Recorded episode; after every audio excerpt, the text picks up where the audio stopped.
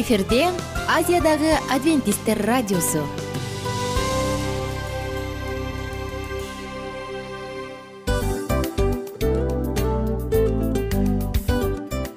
Салам достор. Ден соолук өмүр булагы. Жана биздин биринчи байлыгыбыз демекчи саламат саамы рубрикасына кош келдиңиздер. Бир да кишинин ооругусу келбегени айтпаса да түшүнүктүү. Анткени ооруганда жаныбыз кыйналганы аз келгенсип көп көйгөйлөр жаралышы да ыктымал. Андан тышкары жумушка же мектепке бара албай же үй бүлөбүзгө кам көрө албай калабыз. Ал эле эмес башка бирөөнүн бизге кам көрүшүнө муктаж болуп калышыбыз ыктымал. Ошон үчүн дарыланууга караганда алдын алуу жакшы эмеспи. Биздин рубрикада биз ар кандай фактылар менен маалыматтар менен кеңештер менен бөлүшүп чын жүрөктөн сиздердин ден соолугуңуздарды каалайбыз. Ошон үчүн биздин рубрикага кош келдиңиздер жана даярданып туруңуздар. Анткени кийинки мүнөттөрдө кызыктуу фактыларга ээ болосуздар. Ошон үчүн достор эң биринчи байлыгыбызды колубузга алдык да алдыга жөнөдүк. Биз менен болуңуздар. Саламат саама ден соолуктун жарчысы. Саламат саама ден соолуктун ачкычы. Күн сайын сиз үчүн мыкты кеңештер сонун жаңылыктар кызыктуу фактылар. Биздин рубрикада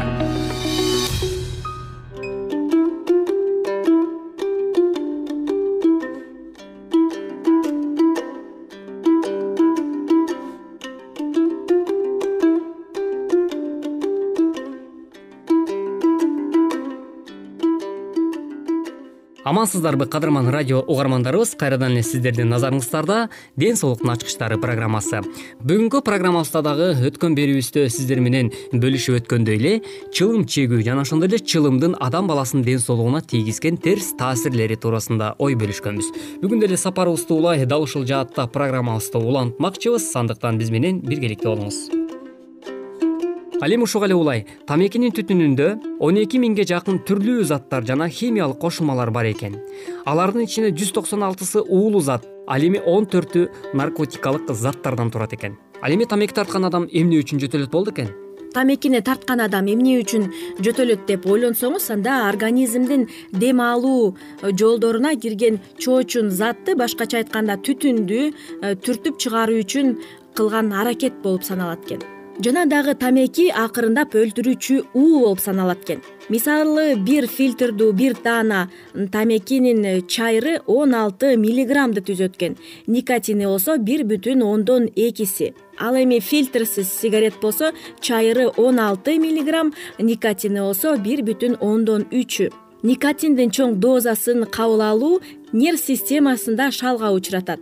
Жүрөктүн токтошунда өлүм алып келет албетте чындап эле көбүнчө чылым чеккен э, адамдардын органдары сөзсүз түрдө жабыркайт деп биз өткөн берүүбүздө дагы сиздер менен бөлүшкөнбүз.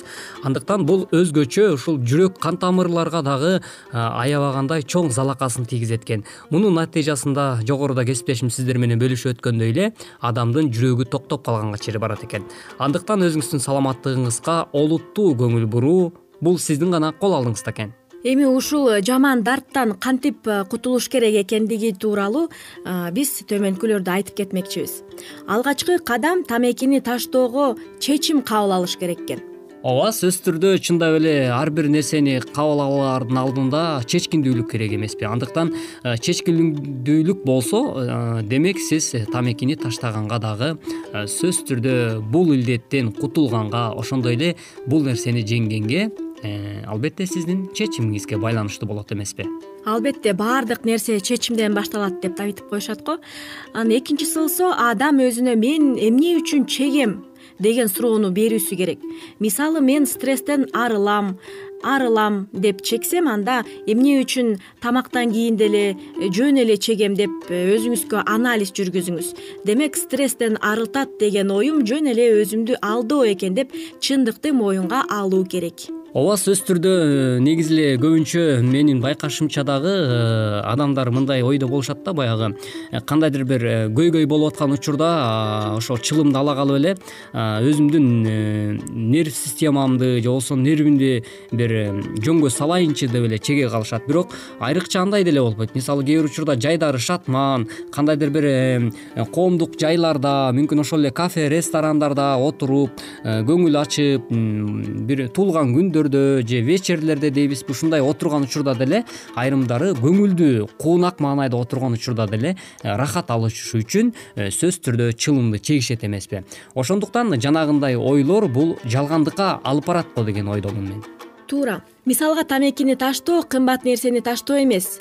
Э, тескерисинче таштандыны организмди уулап ооруга алып келгенден тышкары пайдасы жок нерсени таштап атасыз ооба чындап эле бул жаатта дагы өзүңүздүн саламаттыгыңызга көңүл буруу э, өтө эле маанилүү деп биз ойлойбуз. Андыктан ар бир адам эле баягы сергек жашоодо дени сак жашоодо жашашты каалайт эмеспи. Андыктан чындап эле чылым чегүү жаатында сиз чылымдын кулу болуп турган болсоңуз анда өзүңүздүн саламаттыгыңызды э, жөнгө салууда сөзсүз түрдө чылым менен кош айтышуу мезгилинде э, бир нерсеге салыштырсаңыз болот экен да. Балким сиз ошол жогоруда кесиптешим айтып өткөндөй эле э, бул деген таштанды э, ирип кеткен чирип кеткен нерсени оозума албай эле койгонум жакшы. Деп ушундай бир көз караш менен карай турган болсоңуз анда сиз туура кадамга барган болосуз деп мен э, ойлойт элем да. Себеп дегенде ошол чегип жаткан чылымыңыз канчалык деңгээлде ал жерде акыр чикир сыяктуу болгон бир мындайча айтканда мусор сыяктуу болуп аткан нерсени сиз колдонуп аткан болсоңуз анда канчалык деңгээлде сиздин ден соолугуңузга олуттуу зыян алып келип жатканын сиз э, түшүнгөн болсоңуз анда дароо эле чечим чыгарасыз деген ойдомун. Жана эмки кадам организмиңиздеги тамекиге каршы рефлекстерди биринчи эле чеккенде э, кускусу келип окшойт дал ушул рефлекстерди кайрадан жандандырыш керек. Э, калыбына келтирүү кажет экен анткени адам темеки чеге берип тилинин рецепторлорун функциясын жоготуп салат. Бул үчүн эмне кылыш керек? Бул үчүн калыпка келтирүү керек. Ал үчүн биз үч маал тилди кырып тазалоо кажет. Ал үчүн тилди чыгарып сол кол менен кармап оң колуңду кашык менен э, кырып тазалоо туура. Ошондо адам окшуп рецепторлор кайрадан кызматын аткара баштайт андыктан мындай ыкмаларды колдонуу менен сиз дагы кандайдыр бир илдетти алдын алган болот экенсиз. Демек бул көнүгүүлөрдү дагы үй шартында деле балким жасап көргөнгө аракет кылган болсоңуз анда өзүңүздүн саламаттыгыңызга кам көрүп жаткандан кабардар берет. Жана аяккысы дем алуу көнүгүүлөр. Тамеки чеккендердин өпкөсү начар иштейт. Анын үстүнө чеккендер организмине кычкылтектен көрө көмүртекти көп берет. Андыктан адам дем алуусун калыпка келтирүүсү кажет. Ал үчүн терең дем алып абанын ичтен беш жети секунд кармоо зарыл. Ичке аба толбоосу керек. Бул көнүгүүлөр адамга дем алуусу калыбына келтиргенге жакшы жардам берет мына ушундай ыкмаларды колдонуп сергек жашоого умтула бериңиз деген тилегибизди дагы бир ирет билдирүү менен бүгүнкү бизге бөлүнгөн убактыбыз да өз соңуна келип жетип калды. Андыктан урматтуу угармандар кийинки берүүбүздөн сиздер менен кезиккенче аман болуңуздар бар болуңуздар ден соолугуңуздар чың болсун деген тилек менен программабыздын көшөгөсүн жапмакчыбыз. Сак саламатта болуңуз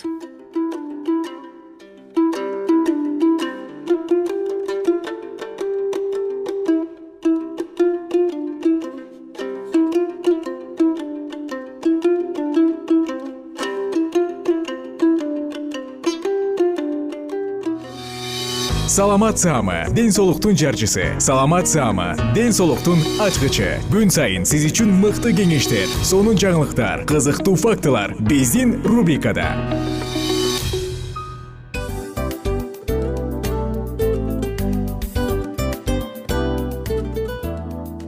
Салют замандаштар баарыңыздарга ысык салам дил маек программабызга кош келиңиздер. Дил маек рубрикасы дегенде эле бул эмне болгон дил маек ким менен маектешебиз деп сурайт болуш керек угармандарыбыз бул рубриканы кыскача тааныштыра кете турган болсок ар тарап кесип ээлеринен болгон сонун интервью кеңештер бар жылдыздар менен болгон маек бар аталарыбыздын агаларыбыздын чоң аталарыбыздан сонун кеңештер бар ошондой эле эже сиңдилердин кеңештери бар. Айтор баардык кызыктардын баары алдыда. Негизи эле адам баласы бир кимдир бирөөнө ишенип сырын ачкысы келет эмеспи э? Мындай баарлашууга жакын келебиз го? Албетте. Негизи бир жерге отуруп алып кенен шашпай баягы жүрөктөн жүрөккө ачып сырларыбызды ар кандай көйгөйлөрүбүз менен бөлүшүп баягы чын жүрөктөн маек курганды кимибиз сүйбөйбүз э? Ооба десең ал нерсеге суусап да келебиз да? Ооба кээ бирде адамга чындыгында баягы э, ысык маек баягы жылуу маек жетишпейт да. Ошондуктан биз ушул рубриканы ойлоп тапканыбызда эң биринчи эле достор сиздер менен чын жүрөктөн бир маңыздуу темаларды козгоп кеткени э, кааладык. Ошондуктан ушундай сонун бир рубриканы тартуулап жатабыз. Анын үстүнө радио дагы сонун дос да анткени э, мындай учурда досуңа айтсаң досуң досуна айтат досу досуна айтат да анан бүт өлкө билип калышы мүмкүн го.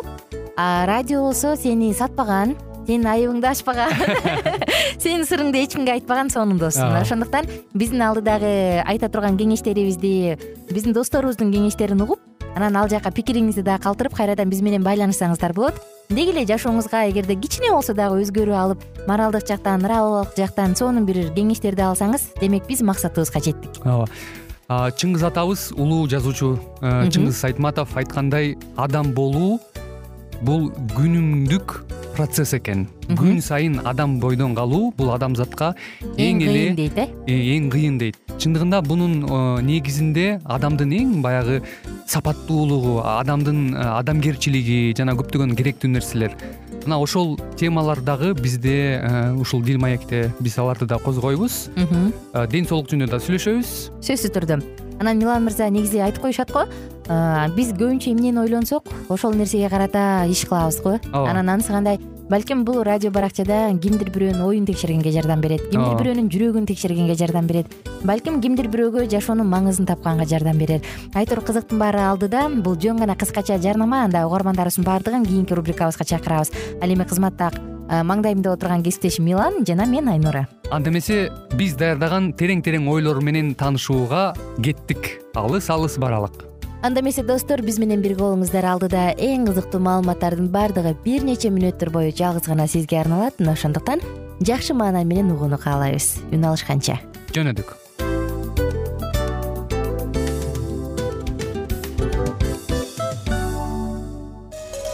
Ар түрдүү ардактуу кесип ээлеринен алтын сөздөр жүрөк ачышкан сыр чачышкан сонун маек дил маек рубрикасында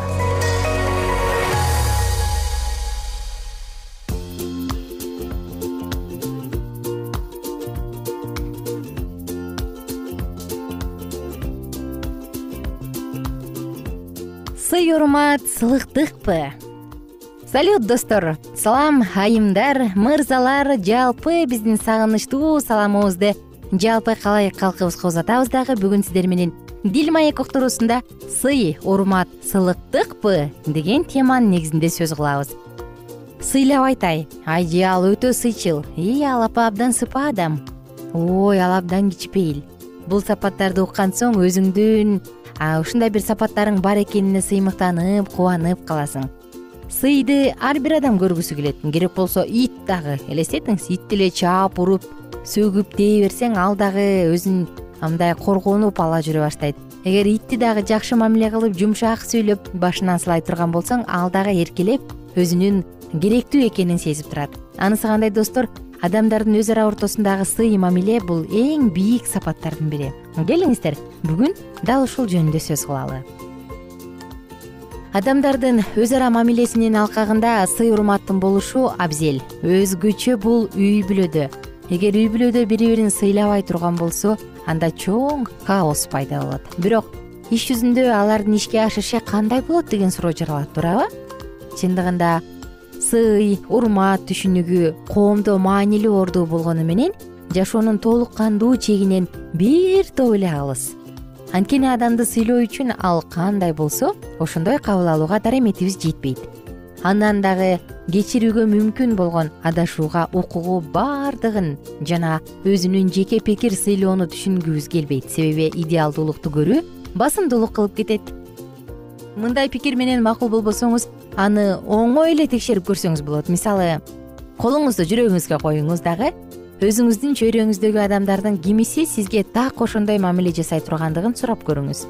Мындан да өкүнүчтүүсү үй бүлөдөгү эң жакын адамдарыңыз дагы сиз кандай болсоңуз ошондой кабыл алып сый урмат көрсөтө албаган учурлар кездешпей койбойт. Деги эле сый урмат деген эмне адамдардын дээрлик басымдуу бөлүгү сый урматты сылыктык менен алмаштырып алышат. Анткени катуу үн чыгарып кайрылбасак кагып силкпесек одоно сөз сүйлөбөсөк демек ага урматтап жатабыз деп түшүнүп калабыз. Ал билбейт деп туруп кээ бир адамдык үндү өктөм чыгарып кагып силкип одоно сүйлөй билсе мунун баардыгы жагымсыз. Эгерде сиз деле ушундай ойдо болсоңуз мен эмне? Катуу кыйкырган жокмун кагып силккен жокмун одоно сүйлөгөн жокмун демек аны сыйлап атам да десеп деген ойдо болсоңуз анда тыңдаңыз. Бирок сиз маданияттуу адам адепсиз адамды жолуктурдуңуз беле? Эми жыйынтык чыгарып көрүңүз. Сыйлыктык бул сый урматпы? Сый урмат көрсөтүү бул маданияттуу жүрүм турум эмес. Тактап айтканда сиз менен баарлашкан адам чектен чыкпай шарттуу сүйлөшүүнүн жыйынтыгы менен сизге ал адам сый урмат көрсөтүп жатат деп түшүнүү туура эмес. Ошондуктан маданияттуу жүрүм турум коомчулукта сыйлыктык көрсөтүүнү сый урматка алмаштырып албаш керек. Демек сыйлыктык башка сый урмат башка. Үй бүлөдө сый урматтын жоктугу эмнеге алып келиши мүмкүн? Биз айтпадыкпы жогоруда э бул эң маанилүү деп. Бул хаоска алып келет деп. Эң эледе адам өзүнүн жүрөгү каалаган нерсени жасоого сезүүгө жана ойлоого мүмкүндүк берүү маанилүү. Албетте эгер ал каалоолор башкаларга зыянын тийгизбесе демек өзүңүз байкагандай сый урматка татыктуу болуунун тамыры эч качан өз максатына жетиш үчүн башканын башынан аттап кетүүгө мүмкүнчүлүк бербей турганын далилдейт. Жакын адамга сый урмат көрсөтүү жана аны сүйүү бир маанини түшүндүрбөйт. Эгер сиз жакын адамыңызды сыйласаңыз бул башка иш. А эгер аны сүйсөңүз ал таптакыр башка иш. Тагыраак айтканда экөө эки башка сезимдер анткени сүйгөн адамыбызга өзүн эркин сезип ойлоого мүмкүнчүлүк бербейбиз. Өзүбүздүн кызыкчылык жогорураак турат. Андыктан өз ара мамиледе курган адамдар бири биринин пикирин сыйлап жан дүйнөсүнө түшүнүп өзүнүн дүйнөсү менен жашоого мүмкүнчүлүк бергенде гана сый урмат көрсөтүү болуп эсептелет. Адамдар бири бирин уга билүүсү маанилүү ошондуктан өзүңүз сый урматка татыктуу болууну кааласаңыз алгач аларга сый урмат көрсөтүңүз чын эле карап отурсаң сага сени абдан сыйлаган сени ушундай бир урматтаган сылык мамиле жасаган адамдар бар. Жана алардын эле ушундай эле адамдардын арасында биздин тегерегибизде жөн гана сыйлаган адамдар бар. Бирок ал өзү сылык сылыктыгын көрсөтө албайт. Ал балким одоно сүйлөйт. Анын жүрүм туруму одонодур баягы грубый адам деп коет эмеспи одоно адамдыр. Бирок ал сыйлайт. Жана ошол эле учурда сылык бирок сыйлабаган адамдар бар. Алар мындай сылыктык менен гана э, сыйлабайт экендигин билдирип коюшу мүмкүн. Мына ошондуктан достор сылыктык башка ал эми сый урмат башка. Эмне үчүн үй бүлөдө сый урматтын болушу өтө маанилүү дедик. Анткени жубайлар бири бирин сыйлабаса анда алардын ортосунда мамиле өтө алыстап кетет. Өзгөчө аял заты жолдошун сыйлабай турса аял заты жолдошун урматтабаса анда жолдошунун жүрөгү муздайт. Анда жолдошун жакын туугандары дагы сыйлабай калат аялдын туугандары анын жолдошуна карата жасаган мамилесинен улам ошого жараша мамиле жасайт. Эгерде келинчеги жолдошун сыйлап урмат көрсөтүп көтөрүп турса анда төркүнү дагы ошондой кылат. Башка туугандар да ошондой кылат. Аяштары да ошондой кылат. Жана сөзсүз түрдө тескерисинче эгерде жолдошу келинчегин сыйлап урматтап турса башка тегерегиндеги адамдары достору туугандары баардыгы ошондой мамилени көрсөтөт. Мына ошондуктан үй бүлөнүн ынтымактуу болушу үчүн мамлекеттин бекем болушу үчүн ортодо сөзсүз түрдө сый урмат керек. Ал эми бири бирин сыйлаган ата энени көрүп кичинекей балдар дагы сыйга үйрөнөт. Алар дагы бири бирин сыйлап ата энесине сый менен мамиле кылат ата энесин аздектейт ата энесин урматтайт ата энесине жылуу сөздөрүн айтат. Достор эмне демекчибиз? Ар бир адам сыйды урматты кичинекей кезинен үйрөнөт. Эгерде сыйлаганды билбесе анда сыйла сыйлаганды билбеген сыйпалап калат деп коет эмеспи анысы кандай? Сыйды көргөндү дагы билген жакшы сыйлаганды билгенди да жакшы аял сыйга татыктуу эмес ай деген сөздөрдү көп угуп калабыз же болбосо ии ал сыйлаганды түшүнөт экен ай билет экен деп калабыз э? Анысы кандай? Бул элибизде кеңири таралган сөз тээ акылман аталарыбыз айткан сөз эбактан бери кылымга ырытып келатат. Бул сөздүн чындыгы жүз пайыз. Эмне демекчибиз достор? Ардактуу угармандар сүйүктүү замандаштарыбыз жалпыңыздарга кааларыбыз сиздин дагы үй бүлөңүздө сүйүү жана урмат сый өкүм сүрсүн. Ошондо сиздин үй бүлөңүздө дайыма ынтымак жана тынчтык болот. Баарыңыздар менен кайрадан амандашканча деп коштошобуз аты жөнүм аку кийинки уктуруудан жалпыңыздарды күтүп алам. Бар болуңуздар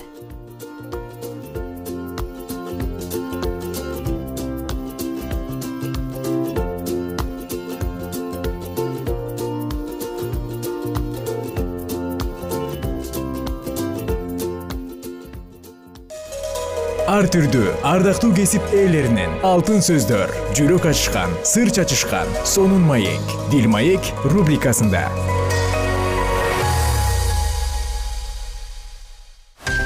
Жан дүйнөңдү байыткан жүрөгүңдү азыктанткан жашооңо маңыз тартуулаган жан азык рубрикасы.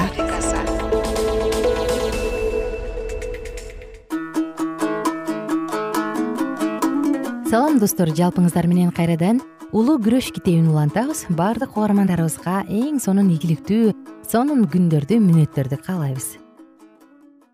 Адамдар өз коркунучтуу мезгилдерин билип акыркы санактарга байланыштуу окуяларда даярданып турууларын эскертет. Кудайдын пайгамбары мындай дейт. Анткени теңирдин күнү улук да өтө коркунучтуу. Жана ага ким чыдай алат? Яил эки он бир. Теңирдин келишинде ким туруштук берери жөнүндө кыянаттыкты көрүү сенин таза көздөрүңө ылайыктуу эмес деп айтылган кыйкыргандар үчүн менин кудайым биз сени таанып калдык бирок анын осуяттарын бузушуп башка кудайлардын артынан бара жатышат ошия сегиз эки бир забур он беш төрт. Жүрөктөрүндө мыйзамсыздыкты сакташып бузукулукту жакшы көрүшөт. Алар үчүн теңирдин күнү караңгылык гана жана анда жаркыраган жылчык жок. Амос бешинчи бап жыйырманчы аят жана ошол учурда мындай болот. Мен шам чырак кармап иерусалимди аңтарып чыгам. Ошондо өз жүрөгүндө теңир жакшылык да жамандык да кылбайт деп өз ачыткысы үстүндө санаасыз отургандарды жазага тартам. Мен дүйнөнү кыянаттыгы үчүн жазалайм мыйзамсыздыгы үчүн арамзаларды жазалайм жана текеберлердин сыймыктанган акылынын аягына чыгам. Залимдердин кокураюучулугун басынтам ышая он үч он бир теңирдин каары кайнаган күнү алардын күмүштөрү да алтындары да аларды куткарбайт. Жана алардын байлыгы олжого кетет да алардын үйлөрү аңгырап бош калат. Жеремия пайгамбар бул коркунучтуу күндөрдү көрүп мындай деген. Менин жүрөгүмдүн тереңи ноюйт унчукпай тура албайм. Анткени сен жаным менин сурнайлар тартылганын согуш коркунучун угуп жатасың. Кайгы артынан кайгы жеремия төртүнчү бап он тогузунчу жыйырманчы аяттар. Ал күн каардын күнү аза менен кыйноонун күнү бүлгүн менен чапкындын күнү караңгы менен туңгуюктун күнү булут менен мунарыктын күнү сурнай тартуу менен сөгүп саккан кыйкырыктардын күнү.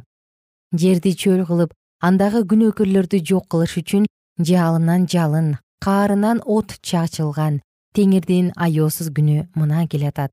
Ышая он үч тогуз ушул улуу күнгө көңүл буруу менен кудай сөзү кудай элин ишенимдүүлүк менен руханий сокурлуктан чыгууга жана тоо келтирип момундук менен кудайды издөөгө үндөйт сиондо сурнай тартып менин касиеттүү тоомдо коркунучтуу кабарлап чуу көтөргүлө.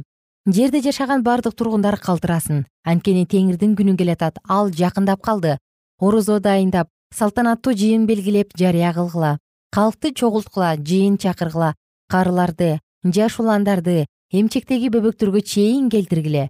Күйөө өз заңгыраган үйүнөн колукту өз көшөгөсүнөн чыгып келсин. Алдыңкы бөлмө менен курмандык жайдын ортосунда теңирге кызмат кылуучулар дин кызматчылар зар какшап ыйларсын орозо тутуп зар какшап озондоп бүт жүрөгүңөр менен мага кайрылгыла. Кийимиңерди эмес жүрөгүңөрдү тыткыла. Да теңирге өз кудайыңарга кайрылгыла анткени ал кайрымдуу жана ырайымдуу узакка чыдоочу көптөн көп мээримин төгүүчү. Яил экинчи бап биринчи аят он беш он жетинчи аяттар он экинчи он үчүнчү аяттар. Кудай эли теңирдин күнүнө даяр болуп туруш үчүн жан дүйнөсүндө өзгөрүүлүү болуш керек. Көпчүлүк өзүнүн жолдоочулары асманда байлык чогултуп жатпагандыгын кудай алдын ала көргөн жана ошондуктан өзүнүн көптөн көп ырайымдуулугу менен адамдарга эскертүүчү кабарларды жиберди жана аларды курчап алган сокурлугунан бошотуп теңирдин келишине даярдаш үчүн камкордук көргөн.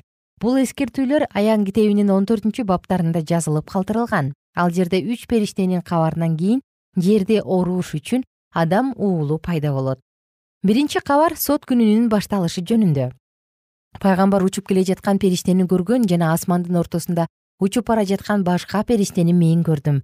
Жерде жашагандарга жана ар урууларга тукумдарга тилдерге жана элдерге таратыш үчүн анда түбөлүк жакшы кабар бар эле. Ал катуу үн менен мындай деди. Кудайдан корккула жана аны даңктагыла анткени анын сотунун убагы келди. Асманды жана жерди деңизди жана булактарды жаратканга табынгыла аян он төртүнчү бап алтынчы жетинчи аяттар. Бул кабар түбөлүктүү жакшы кабардын бир бөлүгү болуп эсептелет. Жакшы кабарды насааттуу периштелерге эмес адамдарга табышталган. Периштелер болсо бул иштерди башкарышат. Улуу диний кыймылдарды жандандырышат. Бирок жакшы кабардын жер үстүндөгү кызматтарын кудайдын адамдары аткарып бүтүрүшөт. Бул кабарды дүйнөгө кудай рухунун үнүн уккан жана анын сөздөрүнө тиле алган ишенимдүү адамдар жарыялашкан. Ким эң туура пайгамбарлык сөздөргө кайрылса жана силердин жүрөгүңөрдө таң агарып таң жылдызы чыкканча караңгыда жанган шамга болгондой силер ага кайрылсаңар жакшы иш кылып жатасыңар. Экинчи петр биринчи бап он тогузунчу аят алар кудай жөнүндөгү түшүнүктү башка кенчтерден артыгыраак издешкен. Анткени күмүш дилделерге ээ болгондон акылга ээ болгон алда канча артык. Жана аларга теңир улуу чындыктын падышалыктардын ачып берген. Теңир жашыруун сырын кудайдан корккондорго ачат. Өзүнүн осуяттарын ошолорго айтат. Забур жыйырма төрт он төрт. Кудай сөзүн талкуулаган адамдар чындык жөнүндө түшүнүк алышкан эмес жана аны жарыялашпады эгерде ушул окумуштуу адамдар кудайга ишенимдүү болушкан болсо анда алар караңгылык каптап калгандыгын билип алышмак. Жана пайгамбарлыктар аларга келе жаткан окуяларды ачып бермек бирок алар сергек болушкан жок. Жакшы кабарды таратуу жөнөкөй адамдарга тапшырылган. Ыйса мындай деп айтат. Силерди караңгылык каптап калбаш үчүн жарык барда жүрүп тургула. Жакан он экинчи бап отуз бешинчи аят. Ким кудай аркылуу жиберилген жарыкты кабыл албай турган болсо же ал жакын турганда аны издебесе анда ал караңгыда калат. Куткаруучу мындай дейт. Ким мени ээрчип жүрө турган болсо ал караңгыда жүрбөйт бирок өмүрдүн жарыгына ээ болот. Ким кыйшаюусуз кудайдын эркин аткарууга аракет кылса жана берилген жарыкка улуттуу караса ал баштагысынан дагы көп нерселерди көрө баштайт. Ага баардык чындыктарды ачып берүү үчүн бул адамдарга асман жылдыздары жаркырагандан жаркырайт. Достор сиздер менен улуу күрөш китебинин үзүндү окудук. Кийинки уктурууда улантабыз.